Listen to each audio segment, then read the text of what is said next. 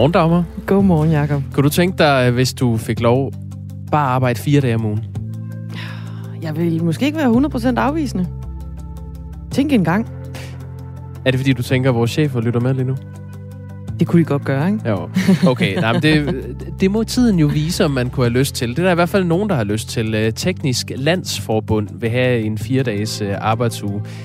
Nu citerer jeg lige noget her. Vi er midt i den længste periode i de seneste 100 år, hvor der ikke er justeret på arbejdstiden. Det er 32 år siden, at vi gik ned på en 37 timer til arbejdsuge. Fremtidens arbejdsliv skal se markant anderledes ud. Det er tid til at tænke stort. Det er stort. Ja, og det kommer fra øh, forbundsformanden i det, der hedder Teknisk Landsforbund, hvis medlemmer øh, arbejder som teknikere og teknologer, designer og konstruktører i produktions- og procesvirksomheder, og i teater, og eventbranchen, og i byggeriet.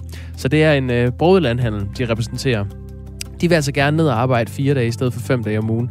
Vi øh, kommer til at tale med øh, forbundsformanden om øh, få minutter. Vi skal også øh, tale om et øh, pressemøde i dag, fordi ved et pressemøde, der vil Mette Frederiksen blandt andet uddybe den nye strafreform, som hun omtaler i sit seneste opslag på Instagram. I opslaget der står det klart, at hun mener, at straffen i dag er for lav. Men højere straffe, det er ikke vejen frem. I hvert fald ikke, hvis man spørger professor på Juridisk Institut, Sten Schamburg Møller, og ham taler vi med klokken cirka 19 minutter over 6. Ja, velkommen til 2022, hvor man præsenterer sin politik på Instagram. Noget vi også spørger om i dag, det er, om øh, enhedslisten kan støtte en regering hen over midten. Det er et spørgsmål, vi kommer til at beskæftige os med øh, gennem hele morgenen faktisk. Enhedslisten holder sommergruppemøde i dag, øh, kommer blandt andet til at præsentere et klimaudspil kl. 11, som du øh, kunne høre lidt om i øh, nyhederne her med Thomas Sand for få minutter siden. Men spørgsmålet er, hvor langt enhedslisten vil gå for at få en regering med Mette Frederiksen i spidsen igen efter næste valg.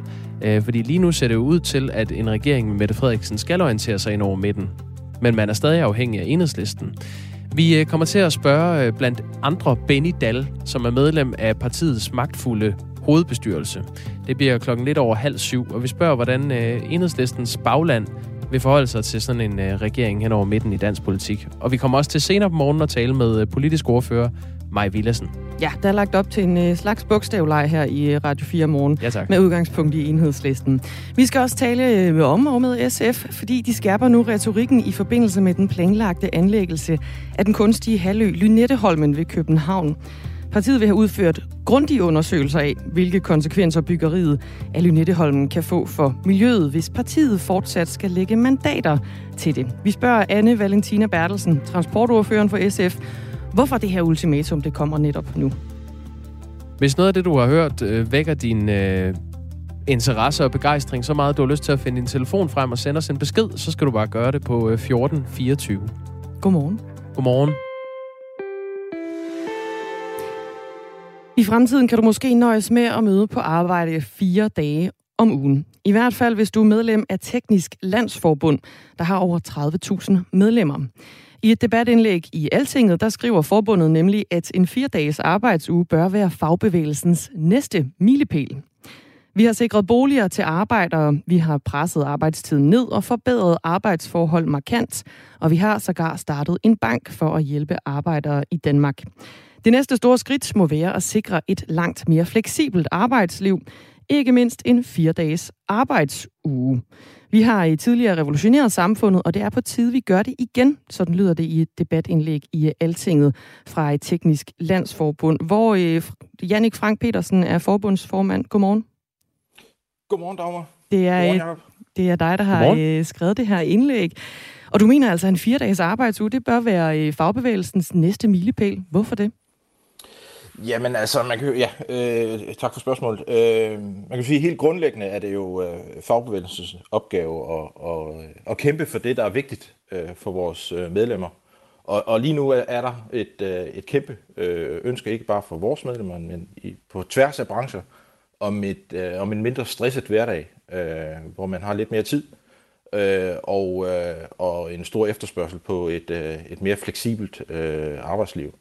Øh, og vi har lige netop spurgt vores øh, medlemmer, og, øh, og 80 procent siger, at en fire-dages arbejdsuge, det er noget, som ligesom dig, Dagmar, er interesseret i. øh, og, øh, og, og det er jo en meget stor andel. Nej, det er det. Øh, og og det, er, det er jo selvfølgelig et meget stort tal, og, og derfor er det jo selvfølgelig, at vi som fagforening kæmper for, for de ønsker. Øh, og Hvem er det særligt af jeres medlemmer, der efterspørger den her fire dages arbejdsuge?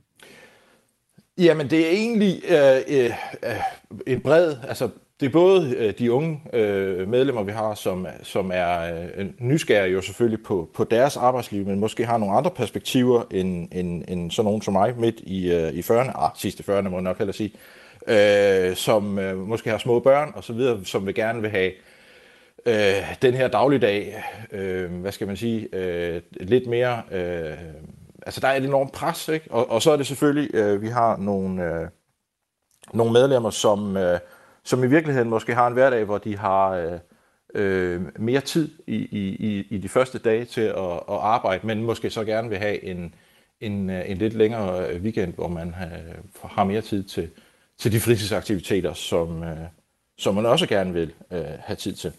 Vi har fået en sms fra vores lytter HC. Han skriver, at jeg arbejder tre dage øh, om ugen som chauffør. Fri 26 uger om året. Han virker jo øh, vældig tilfreds, HC, her med, med i hvert fald sin arbejdsuge. Og jeg vil rigtig gerne lægge den her ud også øh, til dig, der lytter med. Hvad vil du sige til en øh, fire-dages arbejdsuge? Skriv ind på sms'en 1424. Og vi taler altså lige nu med Jannik Frank Petersen, der er forbundsformand i Teknisk Landsforbund med 30.000 medlemmer, som øh, foreslår, at man måske skal øh, slå et ekstra slag for en fire-dages arbejdsuge. Og jeres medlemmer, de arbejder jo som teknikere, som teknologer, designer og konstruktører i øh, produktions- og procesvirksomheder og i teater- og eventbranchen og også i byggeriet. Hvor mange af dem tror du, der kan nøjes med at arbejde bare fire dage om ugen? Jamen det tror jeg egentlig, hvis man finder de rigtige øh, løsninger, fordi det her er jo også sådan, der, jeg tror ikke, der er sådan en one size fits all her, altså, men, men øh, og, og nu fik du ikke vores øh, medlemmer i, i kommunerne øh, med, fordi man kan sige, Øjsager Kommune, som, som jo har kørt sådan et forsøg, øh, de, de, øh, de, de, jeg tror i virkeligheden, at man kan gøre det her i, i, øh, i alle brancher. Øh, vi har også medlemmer, som allerede i dag arbejder på på skæve øh, tidspunkter på, på øh, forskellige måder, ligesom, ligesom HC øh, fortalte om før. Så i virkeligheden, så tror jeg faktisk, hvis man er tilpas øh, kreativ, øh, at det kan lade sig gøre øh, i, øh, for alle vores medlemmer. Men er det helt konkret, altså at man skal arbejde mindre, eller er det stadig 37 timer bare fordelt på fire dage? Jamen igen, det her, det er sådan, jeg har selvfølgelig ikke øh, alle svarene, men de, øh, hvad skal man sige, de to typer af, af løsninger, der er derude lige i, i øjeblikket, det er den ene, hvor man fordeler de 37 timer på, øh, på fire øh, dage, og så arbejder, hvad skal man sige, som man plejer, 37 timer.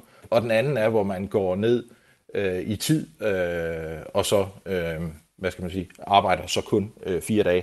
Og, og der er lidt forskellige konklusioner på, på de to øh, øh, på de to ordninger. Men, men fælles, når man hører og kigger på øh, undersøgelserne, fælles for både øh, for de her to, det er, at øh, virksomhederne siger, jamen vi får sådan set den samme produktivitet, vi får bare nogle øh, mere tilfredse medarbejdere, lavere personalomsætning, og medarbejderne siger, jamen vi synes også, det her er, er, øh, er, er fantastisk. Og når man kan sige, når både lønmodtagere og arbejdsgiver øh, synes, at, at, øh, at det er noget, der virker, og, det, og, og, og konklusionerne også er, at man ikke vil gå tilbage til en femdages arbejdsuge, så synes jeg jo, det er, det er så interessant, at det bliver vi så nødt til at tage, tage, øh, tage alvorligt. Og så synes jeg, at vi i, i fagbevægelsen netop skal være med til at sætte rammerne omkring det, øh, så, så vi sikrer, at alle, øh, som vi plejer, alle er, er med. Øh, for hvis ikke vi gør det, øh, og det er jo også noget, det jeg prøver på at sige her, ikke, så, så løber den her dagsorden jo øh, fra os, og så er det nogle andre, der kommer til at sætte rammerne. Jannik øh, Frank Petersen, altså forbundsformand i det, der hedder Teknisk Landsforbund. Vi har fået en øh, sms mere, og den går lidt på det der med produktiviteten, du er inde på. Altså, hvordan skal man nå det samme? Der står her, hvordan skal man kunne nå det samme på fire dage, som man nu udfører på fem? Ja, man kan sige, dem, de øh, virksomheder, der har arbejdet med det her, har jo selvfølgelig også arbejdet med, og det er virkelig måske noget af det, som også er, er kernen i det her, det er, at man får kigget på sine arbejdsprocesser og skåret det fra, som, øh, som, øh, som måske ikke er nødvendigt. Og, øh, Hvad nu, hvis det er nødvendigt, måde, så... at man er til stede? Altså, hvis man simpelthen er nødt til ja. at være der fem dage? Jamen altså, så er det jo selvfølgelig klart, at, at så, øh, så er der måske noget, man ikke kan, kan skære fra, og så er det måske løsningen med, med de 37 timer på, øh, på, på fire dage i, i stedet for fem. Men hvad nu, hvis ens tilstedeværelse er påkrævet? Altså, at man, der er nødt til at være nogen ja. i biksen? Ja, altså i forhold til om fredagen? Ja.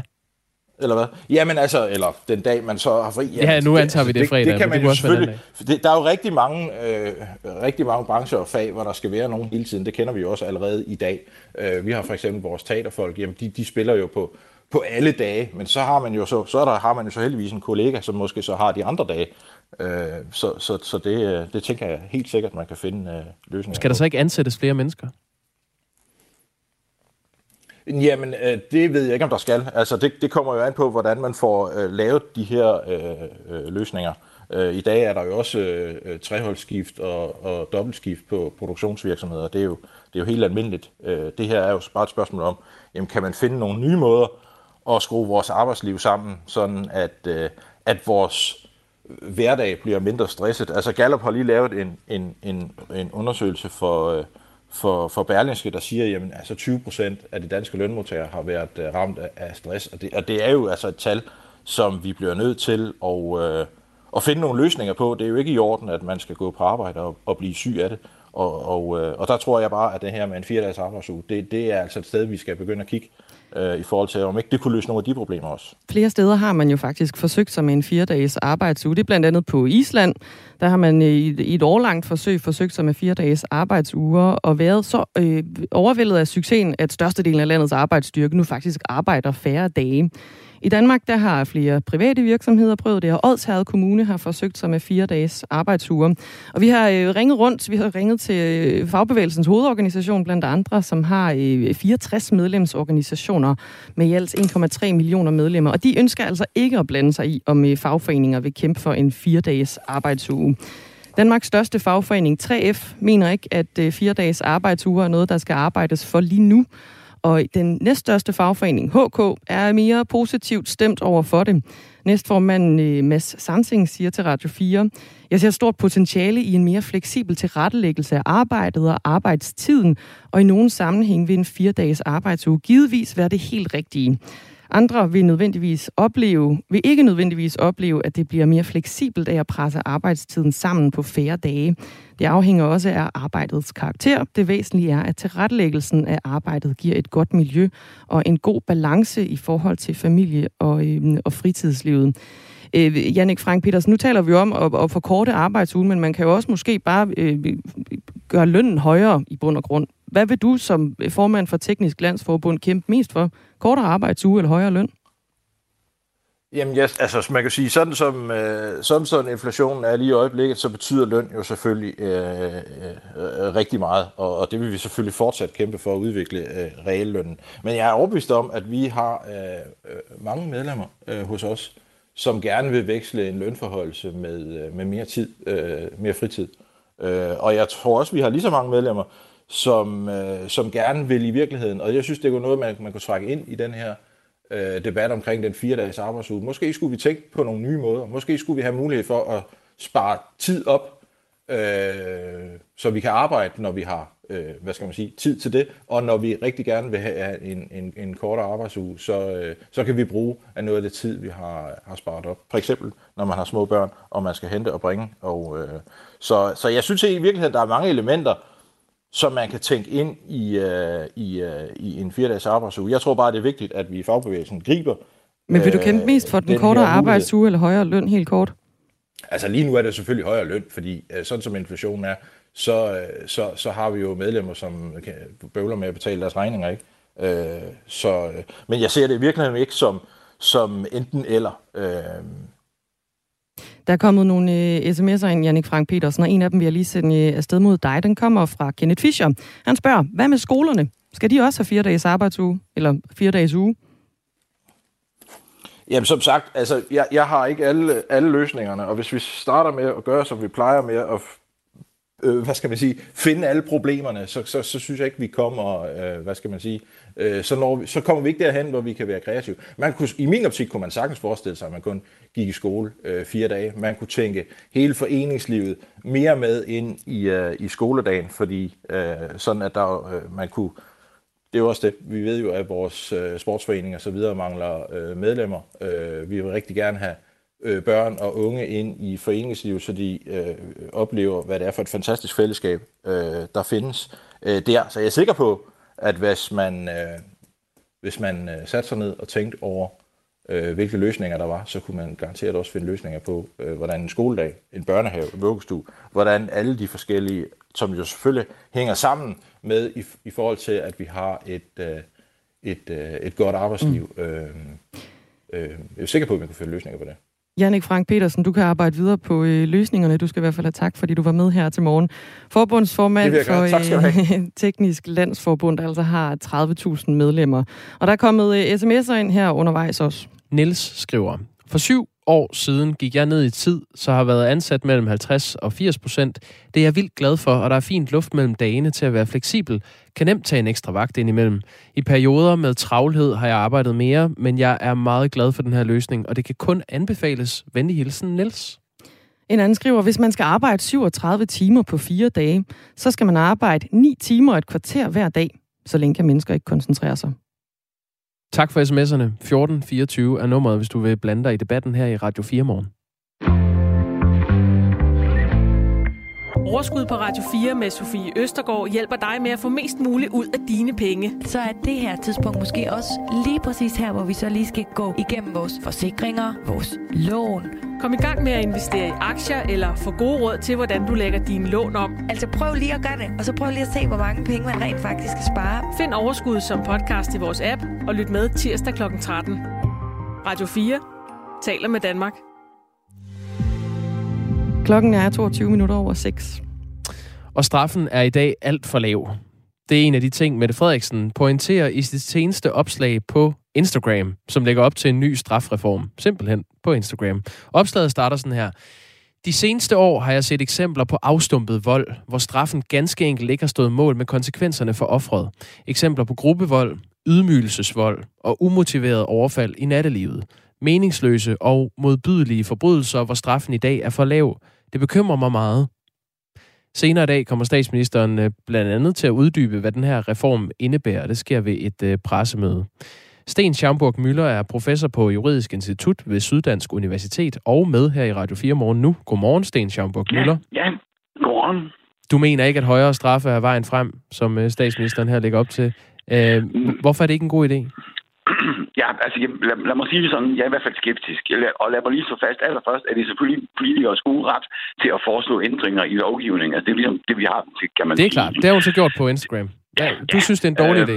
Ja, altså, det, jeg, jeg, synes, jeg synes, der er nogle problemer forbundet med det. Lad mig, lad mig hellere sige det sådan.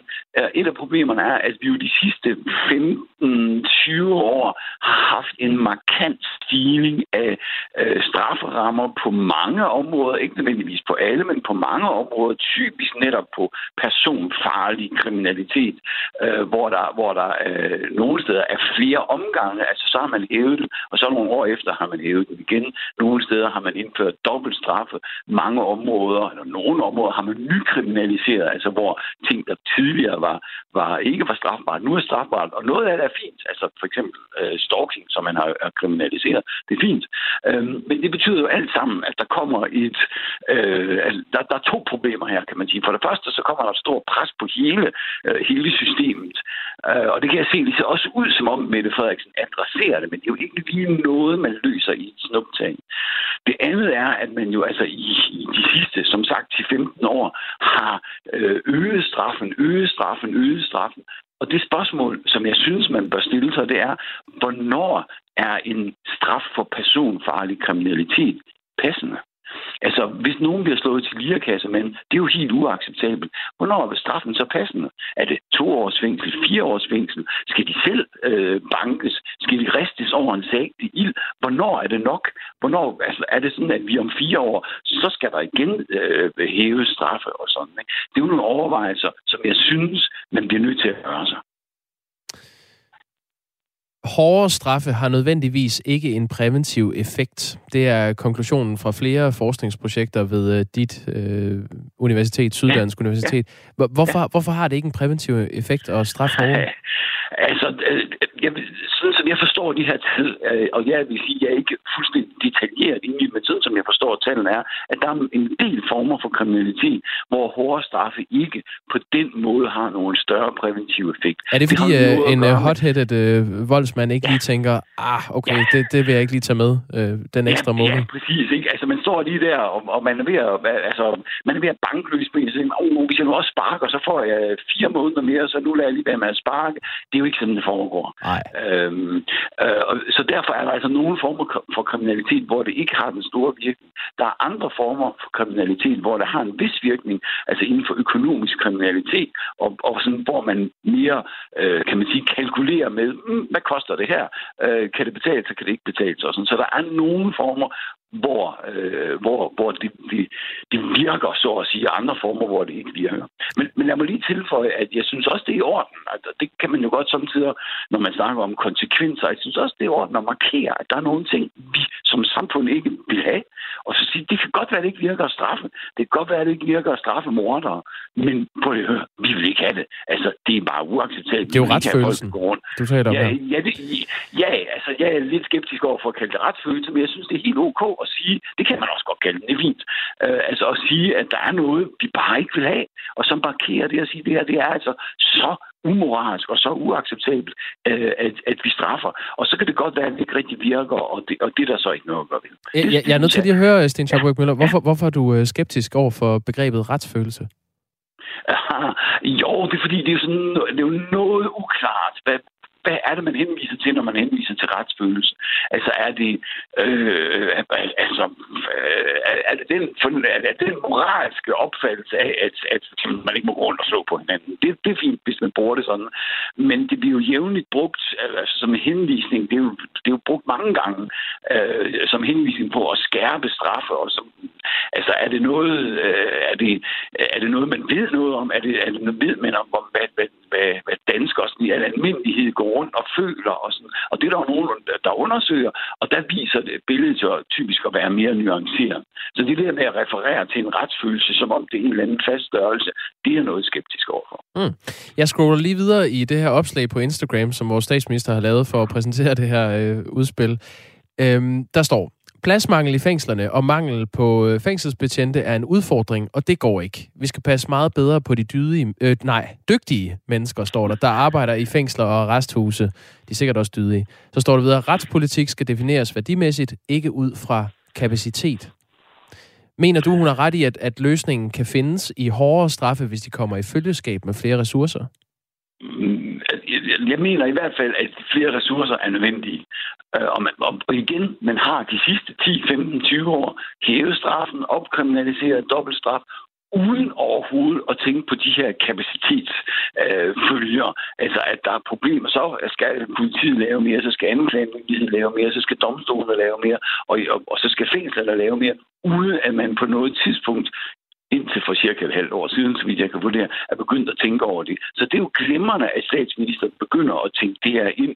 Det, det kan jeg kun bifalde, øh, at det bliver man nødt til. Men det er jo ikke lige et quick fix, det der med at få ansat nogle flere fængselsbetjente, eller få bygget et nyt fængsel, eller få ansat flere dommer, dommere, eller få flere til, midler til anklagemyndigheden.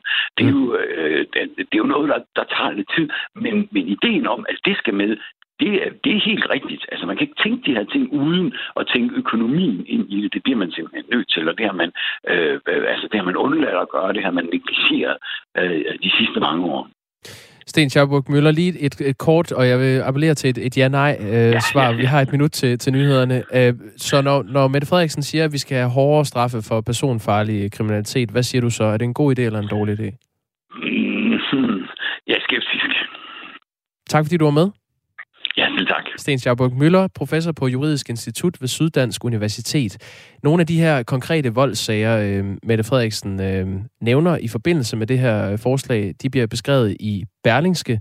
Der nævner hun et brutalt overfald i øh, Goddersgade i København for to år siden, hvor en 19-årig mand var offer. Det var et umotiveret øh, overfald, knytlevslag øh, på, ud på kørebanen. Han blev trampet i hovedet, lå i hjælpeløs tilstand, og den ene af gerningspersonerne, en 18-årig mand, blev idømt 6 måneders fængsel. Det er det er den, jeg lige kommer til at fremhæve her. Vi har været i kontakt med Justitsministeriet med henblik på et interview med justitsminister Mathias Tesfaye, og de er ikke vendt tilbage. Udfordringen med argumentationen, som retten bruger, er i sin yderste potens jo den, at vi slet ikke bør straffe, men kun forebygge. SMS'er er velkomne på 1424. Nu er der nyheder.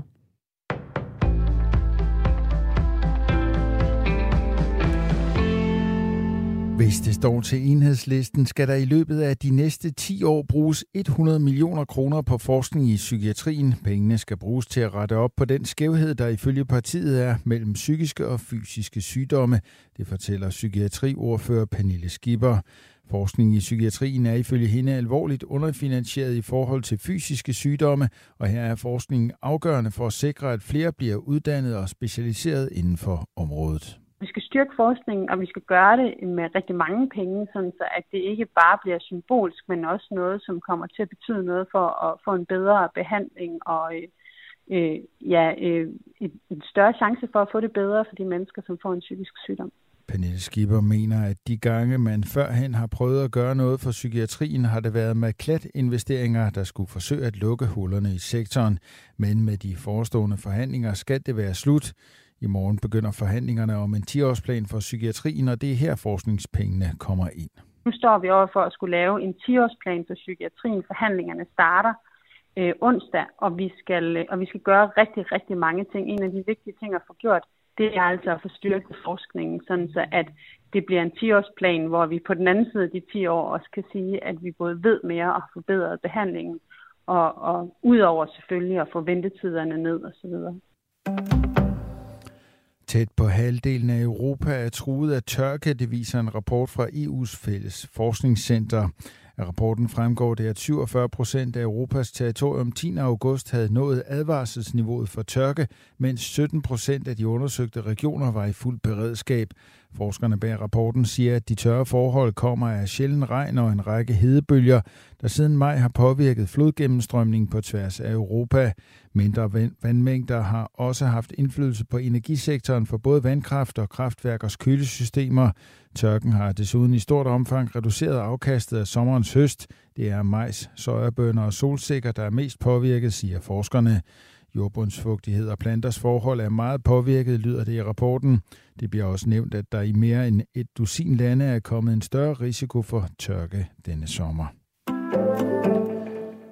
USA's tidligere præsident Donald Trump har bedt en federal domstol om midlertidigt at blokere for, at FBI kan gennemgå de dokumenter, de beslaglagde fra hans hjem i Florida tidligere på måneden. Forbundspolitiet skal først have lov til at gennemgå dokumenterne, når en særlig embedsmand er udpeget til at føre tilsyn med gennemgangen, fremgår det af anmodningen. Trumps begæring, der er indgivet ved en federal domstol i West Palm Beach i delstaten Florida, kræver også, at det amerikanske justitsministerium giver ham en mere detaljeret liste over, hvad der blev beslaglagt fra hans hjem i Mar-a-Lago i den 8. august. Han beder også om, at ejendele, der ikke er omfattet af rensagningskendelsen, bliver leveret tilbage. Tusindvis af haitianere protesterede i går mod stigende kriminalitet og forværret leveforhold i det fattige land og krævede premierminister Ariel Henrys afgang. En journalist fra AP var i hovedstaden Port-au-Prince vidne til, at en uidentificeret mand skød og dræbte en demonstrant, hvorefter gerningsmanden tog flugten i en bil. Ifølge en demonstrant, der også overvejede skyderiet, er alt kommet ud af kontrol i landet, der er blandt verdens fattigste. Familier ved ikke, hvordan de skal klare sig, siger han til AP, mens andre demonstranter i nærheden råber, hvis Ariel ikke trækker sig, så dør vi. Demonstrationerne faldt sammen med, at Jean Baden Dubois, direktør for Haitis centralbank, i går oplyste, at inflationen i landet er den højeste i 10 år. Prisen på visse basisvarer som ris er i løbet af et år mere end firedoblet.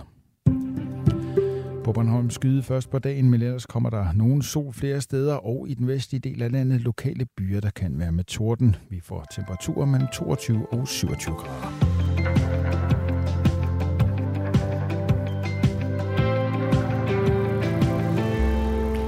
26 minutter i syv er klokken, og du er stået op med Radio 4 morgen. Godmorgen. Og, godmorgen, og det er til en dag, hvor der er pressemøde i flere hensener. Øh, enhedslisten kommer til at øh, præsentere klimaudspil lidt senere. Det bliver klokken 11. Og så er der øh, Mette Frederiksen, som lægger op til en ny strafreform, og det er også noget, hun kommer til at præsentere ved et øh, pressemøde, sikkert med justitsministeren. Øhm, Straffen er i dag for lav for personfarlig kriminalitet, lyder det fra regeringen. Vi talte med øh, juraprofessor Sten Schaumburg Møller om det øh, på den tidligere side af nyhederne. Han var skeptisk, og der er kommet sms'er. Der skal tages hensyn til offeret og samfundet, ikke voldsmanden, er en af sms'erne. Jon øh, foreslår, at man dropper strafferammen og lader offeret bestemme straffen. Interessant indspark. Det er en open brainstorm i hvert fald. Det, det er kan, kontroversielt. Det er det, man kan kalde, øh, det kan potentielt blive en glidebane i hvert fald. det var politikersnak. Ja, jeg er ked af, at du stjal min cykel, men uh, you need to go. Der er ja. altså en her, der foreslår, at man kunne reintroducere dødstraffen. Det hjælper, og så er problemet væk. Det er Mads fra Togrud, der skriver det. Også kontroversielt. Øh, I hvert fald på disse brede grader. Det er mange år siden, vi har haft det her i Danmark. Øh, så er der så den anden historie, vi var ombord i øh, på den tidligere side af nyhederne, nemlig forslaget fra øh, forbundsformanden i det, der hedder Teknisk Landsforbund, som vil have en fire-dages arbejdsuge i stedet for fem. Hvad med os? Alle os, der arbejder på sygehus, der ikke kan få det til at hænge sammen. Det er Lene, der skriver den. Kan man godt få det til at hænge? Det må man kunne. Kan man det? Mm, der er nok flere, der skal arbejde i hvert fald. Ja. Altså flere, der skal indgå i et vagtrul. Øhm... Vores hverdag kan da ikke blive mindre stresset af, at vi skal nå det samme på fire dage, som vi udfører på fem. Det giver da ikke mening. Det kan jo alt andet lige betyde, hvis man stadigvæk skal have en 37 timers arbejdsuge, at så bliver den bare presset ned på øh, fire 9 timers agtige dage. Vi øh, keeper med fladet og letter hatten øh, for jer, der har skrevet ind til Radio 4 morgen allerede. Nummeret er 1424 så øh, ja, du kommer direkte i kontakt med, med Dagmar og mig. Øh, jeg hedder Jacob Grosen, du hedder Dagmar i Møstergaard. Ja, det gør jeg. Og det, du lytter til, er Radio 4 Morgen. God morgen til dig. God morgen. Kan enhedslisten støtte en regering hen over midten i dansk politik? Det undersøger vi her til morgen. Det er på dagen, hvor enhedslisten holder sommergruppemøde på Christiansborg. Den uofficielle valgkamp og øh, de bogstavleje, der følger med, er jo øh, som bekendt i fuld gang. Mette Frederiksen lagde ud med at smide en bombe, da hun i forsommeren meldte ud, at hun var nysgerrig på et regeringssamarbejde hen over midten i dansk politik, fordi samarbejde var vejen frem. Med alle de kriser, vi både står i og potentielt også kigger ind i, der vil jeg appellere til samarbejde, og så meget samarbejde som overhovedet muligt. Og det kunne altså blive en regering ind over midten. Men alligevel går Socialdemokratiet til valg på at fortsætte som en etparti-regering. Og sådan en vil øh, støttepartiet Radikale Venstre ikke høre tale om. Radikale Venstre har jo øh, et ønske om at få flere partier i regeringen efter det valg, som skal udskrives senest til Folketingets åbning den 4. oktober, hvis ikke regeringen vil væltes af Radikale Venstre. Og må ikke øh, de radikale selv godt kunne tænke sig at komme med i den nye regering. Så som meningsmålingerne ser ud i øjeblikket, så lader det til, at de røde partier ikke kan danne en øh, flertalsregering alene. Så efter en valgperiode som øh, støtteparti for den socialdemokratiske regering, står enhedslisten nu over for et valg. Kan enhedslisten være parlamentarisk grundlag for en regering, som går ind over midten i dansk politik? Benny Dahl er tidligere spidskandidat for enhedslisten i Kolding Kommune og nuværende medlem af hovedbestyrelsen i enhedslisten. Godmorgen. Godmorgen, Benny Dahl. Der var du. Øh, synes du, at Enhedslisten skal være øh, støtteparti for en regering ind over midten i dansk politik efter det kommende valg? Ja, det, jeg tror lige, man skal i den der ligning skal man lige øh, lytte til øh, de øh, pressemøder, som de borgerlige partier har haft efter deres øh, sommermøde her den sidste uges tid, fordi det, man kan sige, de har ligesom afskaffet midten. Altså, Pavel er ud med det mest øh, barske borgerlige politik på sit pressemøde. Efterfølgende har de jo, de jo alle sammen fuldt op på det. Så det, der lignede en mulighed for et samarbejde hen over midten, det tror jeg, de borgerlige har afskaffet i løbet af ugen. Så det er nok måske et meget teoretisk spørgsmål, om der er en midte i dansk politik tilbage, kan man sige. Men det er egentlig også meget konkret, fordi hvis øh, der ikke skal laves en regering ind over midten med Mette Frederiksen som statsminister, hvordan skal hun så blive statsminister? Det skal hun jo først og fremmest.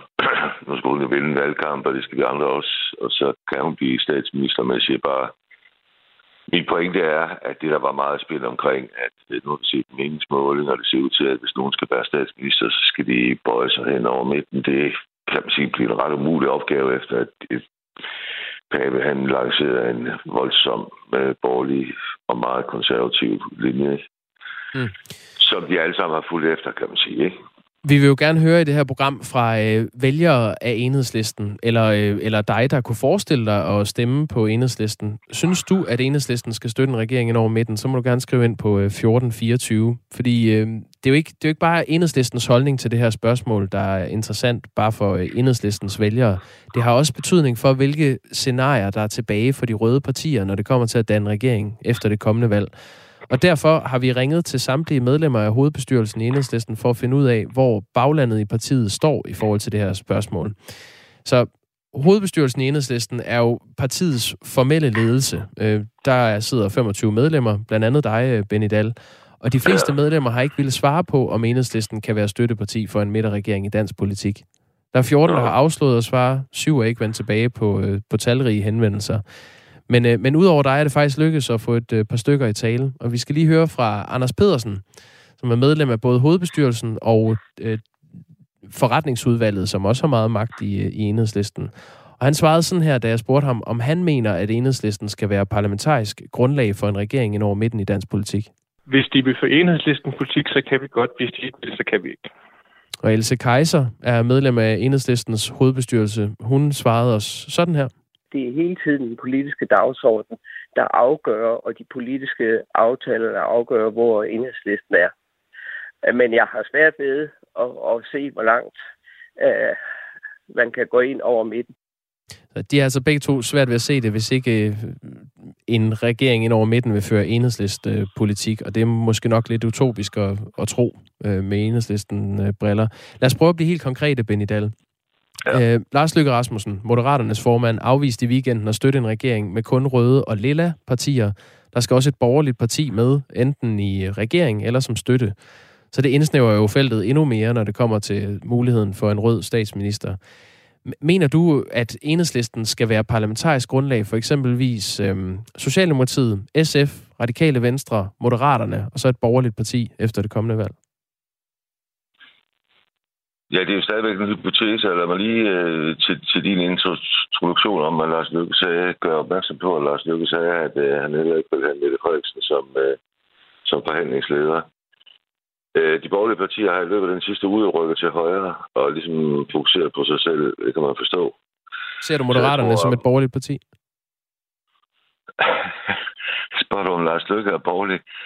Altså, det, det, øh, han har jo været den mest borgerlige statsminister, vi har haft i, i moderne tid. At han nu øh, siger, at han er midtsøgende og meget øh, øh, altså, nærmest lilla eller halvrød, det, det, er jo en, det er jo en, det, det, det tænker jeg er langt ude, og når han øh, i, i sit eget pressemøde pegede på, at han kunne da godt tænke sig at være øh, forhandlingsleder, eller en anden en kunne, men det skulle ikke være med det så har han jo afskaffet teorien om, at de i virkeligheden de borgerlige arbejder på at, at lave noget hen over midten.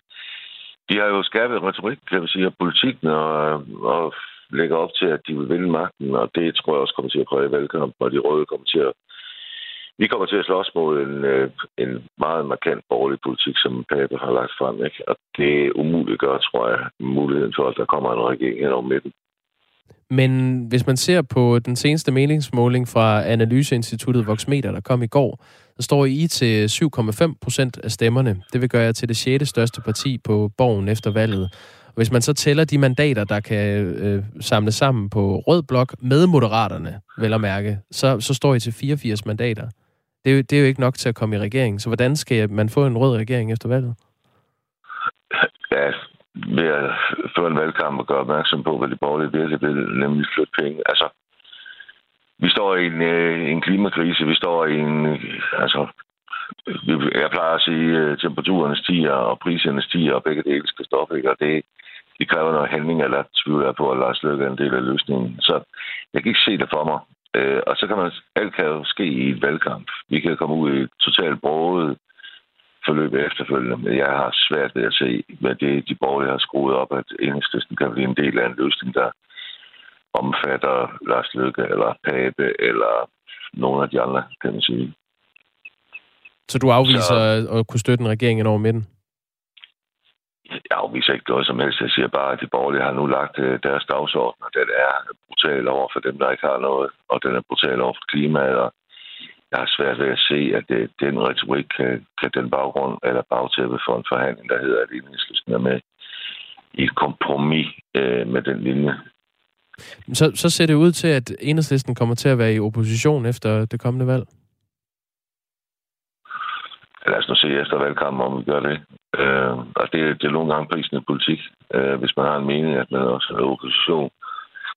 Det handler jo ikke om, nødvendigvis om at, at sidde for bordenden. Det handler også om at få gennemført den politik, man kan se sig selv i, kan man sige.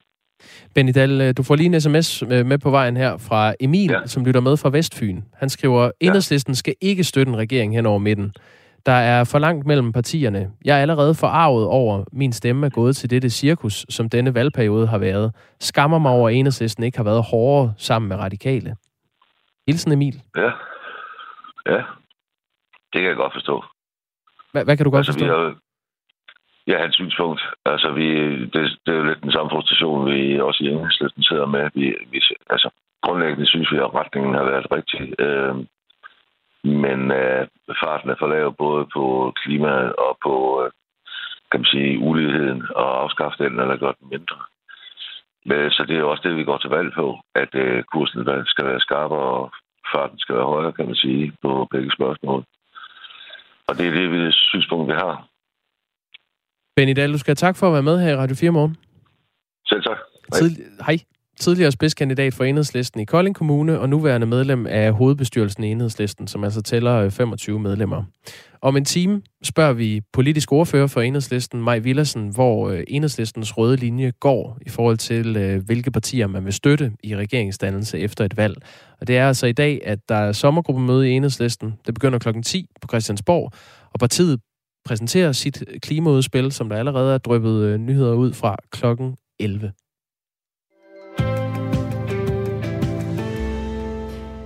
Varmesjekken på 6.000 kroner har fyldt meget i medierne det seneste stykke tid, og det fortsætter i dag her i Radio 4 morgen. Vi har nemlig fået en del henvendelser fra jer lyttere, efter vi i går talte med Bent Ole Gram Mortensen, der er professor i offentlig ret. Han kaldte lovgivningsarbejdet bag den her varmesjek for quick and dirty. Jeg vil jo nok sige, at det her det er mangel på rettidig omhu. Man skulle have tænkt det her ind fra starten og øh, kørt nogle test på det her datagrundlag, om det i det hele taget virker. Og så skal man se at få sig et overblik over, øh, hvor stort omfang i, i virkeligheden er. Udmeldingen kommer i kølvandet på historier om, at flere danskere uberettiget har fået de her 6.000 skattefri kroner udbetalt. Og øhm, en af dem, der skrev til os i går, det er Kim Holm Timer. Godmorgen. Godmorgen. Elektriker fra Svendborg. Og du skrev en sms, der lød sådan her, Kim. Hvad med os, der vil være grønne efter opfordring fra regeringen? Så har vi skiftet til varmepumpe. Hvor er vores checks til de stigende elpriser, spørger du. Kan du øh, uddybe, hvad, hvad du mener med det? Jamen, jeg synes jo bare, at nu er vi jo skiftet, fordi vi gerne vil være grønne, fordi det, det synes regeringen, vi skal være, og det vil jeg også gerne være. Jeg vil også gerne gøre noget godt for miljøet. Så jeg skiftede til varmepumpe sidste år fra, fra træpiller, lige så meget fordi jeg var træt af at håndtere træpiller. Men, men med de elpriser, der er lige nu, så er det jo også bare fuldstændig gået amok. ja, lige nu der koster en kilowatt-time ifølge elsporpris 5 kroner og 77 øre. Ja. Det tjekkede jeg her tidligere, inden vi gik i studiet. Og tommelfingerreglen, det er, at 1 kilowatt-time normalt koster omkring 2 kroner og 25 øre. Så der er jo ikke nogen tvivl om, at det er blevet dyrere at, at bruge strøm, men det er blevet endnu dyrere at, at, at bruge gas. Hvorfor mener du, at jeg med varmepumpe fortjener også at blive kompenseret? Jamen, det ja, fordi, at vi er blevet opfordret til, at vi skal, vi skal stille om til, til noget grønt energi. Ikke der? Og øh, nu er jeg lige ude og kigge på, nu har vi på et, på et år, der har vi brugt 6.000 kW, lidt over 6.000 kW på, øh, på varme. Øhm, og, og dengang, da vi satte det op, der tænkte vi, om det er cirka 2 kroner i, øh, per kilowatt. Og hvis det så, det så har været op og rundt på, på 7, 7 kroner nu, ikke, der, så, mm. øh, så, så synes jeg også, at jeg har lidt, øh, lidt problemer med at finde de penge. Ja, så hvad, hvad vil det betyde, hvis, hvis I kunne få en økonomisk hjælp også til den varmeregning, du taler om her? Jamen, det vil jo betyde, altså så også med alle de andre stigende priser så, altså på, på, på alt, så, så vil det jo, det vil jo også hjælpe os i, igennem hverdagen. Altså, jeg er godt klar over, at der er nogen, der, der nok er mere, mere presset, end vi er økonomisk. Men, men øh, jeg synes jo, ret skal være ret, og, og det skal jo være lige for, for alle på en eller anden måde. Så, så ud fra det der med varmesjekken, der blev bare, bare blev sendt ud til, til alle mulige mennesker, som heller ikke var berettiget til det, så, så, så burde man måske gå ind og lave en øh, større undersøgelse af, hvem, hvem der egentlig er berettiget til det. Ja, nu du taler om det her med, med berettigelsen, og hvem der har været berettiget til den her varmesjek, og der også er nogen, som ikke har været berettiget til den, der også har fået den udbetalt. Hvordan påvirker det din tillid til systemet, at nogen har fået checken udbetalt, uden egentlig at være berettiget til den, mens andre, der var berettiget, ikke har fået den? Ja, det, det, det undrer mig jo enormt, at det kan lade sig gøre overhovedet. Altså, fordi de har jo ikke været inde og kigge. Altså, det med, at vi snakker om, at folk de måske har glemt at indberette på BBR'en, at de er gået fra, fra naturgas til varmepumpe, den, den holder jo heller ikke helt, fordi øh, altså, jeg har da kendskab til en, der bor på kollegie, en ung mand på kollegie, han har fået en varmesjek, og han har jo, han er jo slet ikke registreret på BBR'en, fordi han har jo ikke rigtig noget hus, han bor bare til leje. Øh, sådan noget, det synes jeg er mærkeligt, at man ikke lige går ind og undersøger tingene lidt, lidt nærmere. Er det øh, bare mærkeligt, eller er din tillid rent faktisk dalet til det danske system? Ja, men den er, den er faldet drastisk. Det er den sgu. det må jeg sige. Jeg tænker, vi har så meget, vi har så, vi har så stor, altså i Danmark, der har vi jo, vi er jo forgangsland på, på mange områder inden for IT, så det burde simpelthen kunne lade sig gøre og, og gøre det her på en, øh, på en, øh, på en smartere måde. Mindre byråkratisk måske, jeg ved det ikke. Øh, men, men så man lige har lidt mere styr på tingene, hvem der skal have og hvem der ikke skal have. Mm. Kim Holm Timer, du skal have tak, fordi vi måtte ringe dig op her til morgen. Jamen, velbekomme til os lidt elektriker med fra øh, Svendborg, som øh, står undrende tilbage over, at øh, han ikke også kan få en øh, varmesjek, fordi de har altså skiftet til en varmepumpe på en opfordring jo fra regeringen for at blive øh, mere grønne, og så er elpriserne også øh, eksploderet. Det er jo en øh, uanset hvordan man vender og drejer det, en øh, regulær skandale under opsejling, den her varmesjek, som altså er blevet udskrevet til øh, Koldings borgmester for eksempel. En, øh, en rigmand fra DSV har også fået varmesjekken. Øh, der er mere end 100 unge fra bosteder uden varmeudgifter, der har fået udbetalt den her varmesjek. Den har de så brugt på øh, stoffer og spil, siger direktøren for øh, den sociale udviklingsfond, der står bag bostederne til, øh, til Ekstrabladet.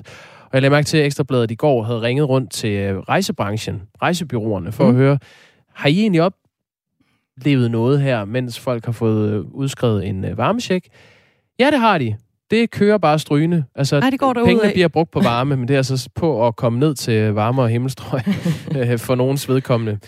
Bravo Tours har oplevet en stigning på 32-33 procent over de samme dage i sidste uge øhm, i forhold til salget. Og det samme oplever man altså ved andre af konkurrenterne. Øh, Spis rejser, ikke et ord om Spis, vi kommer til at tale om Simon Spis senere, men Spis rejser har øh, bare onsdag i sidste uge, den 10. august, øh, fået booket 25 procent mere end mandag og tirsdag i sidste uge.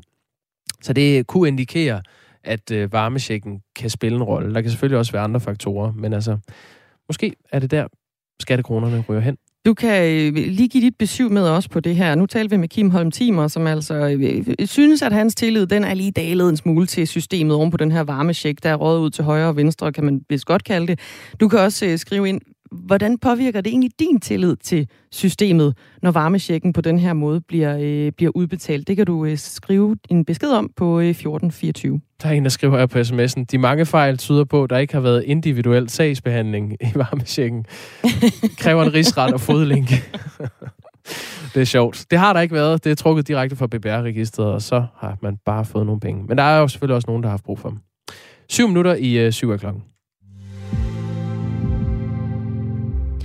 SF skærper nu retorikken i forbindelse med den planlagte anlæggelse af den kunstige halvø Lynetteholmen ved København. Partiet vil have udført grundige undersøgelser af, hvilke konsekvenser byggeriet kan få for miljøet, hvis partiet fortsat skal lægge mandater til det.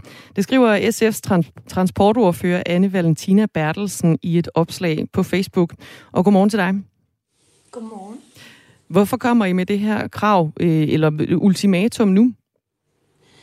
Jamen det gør vi, fordi at i går der kom øh, den undersøgelse, som øh, vi i forhandlingerne om Lynetteholm øh, krævede, og det hedder en strategisk miljøvurdering. Det er sådan en stor miljøundersøgelse, som kigger på øh, natur- og miljø- og klimapåvirkningen fra det her projekt. Ikke bare fra selve øen, som jo er det, der er ved at blive bygget lige nu, men også fra øh, vejforbindelsen og fra metroforbindelsen, som jo også bliver en del af det på et tidspunkt. Og den viser, at der er nogle nogle ret store bekymringsområder, som vi skal ind og tage hånd om, øh, og som øh, ligner noget af det, vi har set i forbindelse med byggeriet af øen. For eksempel så er der jo en væsentlig påvirkning af havbunden, hvis man øh, bygger en, en vejforbindelse som en sænketunnel ud fra Amager Strandpark, altså det, man kalder Østlig Ringvej. Men tror du, tror du, nu laver I et ultimatum her og stiller nogle øh, krav og siger, at de vil trække øh, mandaterne, øh, hvis ikke der bliver udført de her grundige undersøgelser. Tror du, det her ultimatum bliver taget alvorligt? Der er jo stadig flertal for projektet om at anlægge Lynetteholm uanset. Det håber jeg da. Jeg synes, det vil være en stedmoderlig behandling af sine støttepartier, hvis ikke det bliver taget alvorligt. Øh, det her det er ikke nyt for transportministeren, at jeg mener, at vi bør undersøge projektet grundigere. Det ved hun godt, fordi jeg har drøftet det med hende af flere omgange før sommerferien. Og årsagen til, at vi har gjort det, det er jo fordi, at igennem det sidste år, der har der været den ene skandale efter den anden, der har ramt Lynetteholm.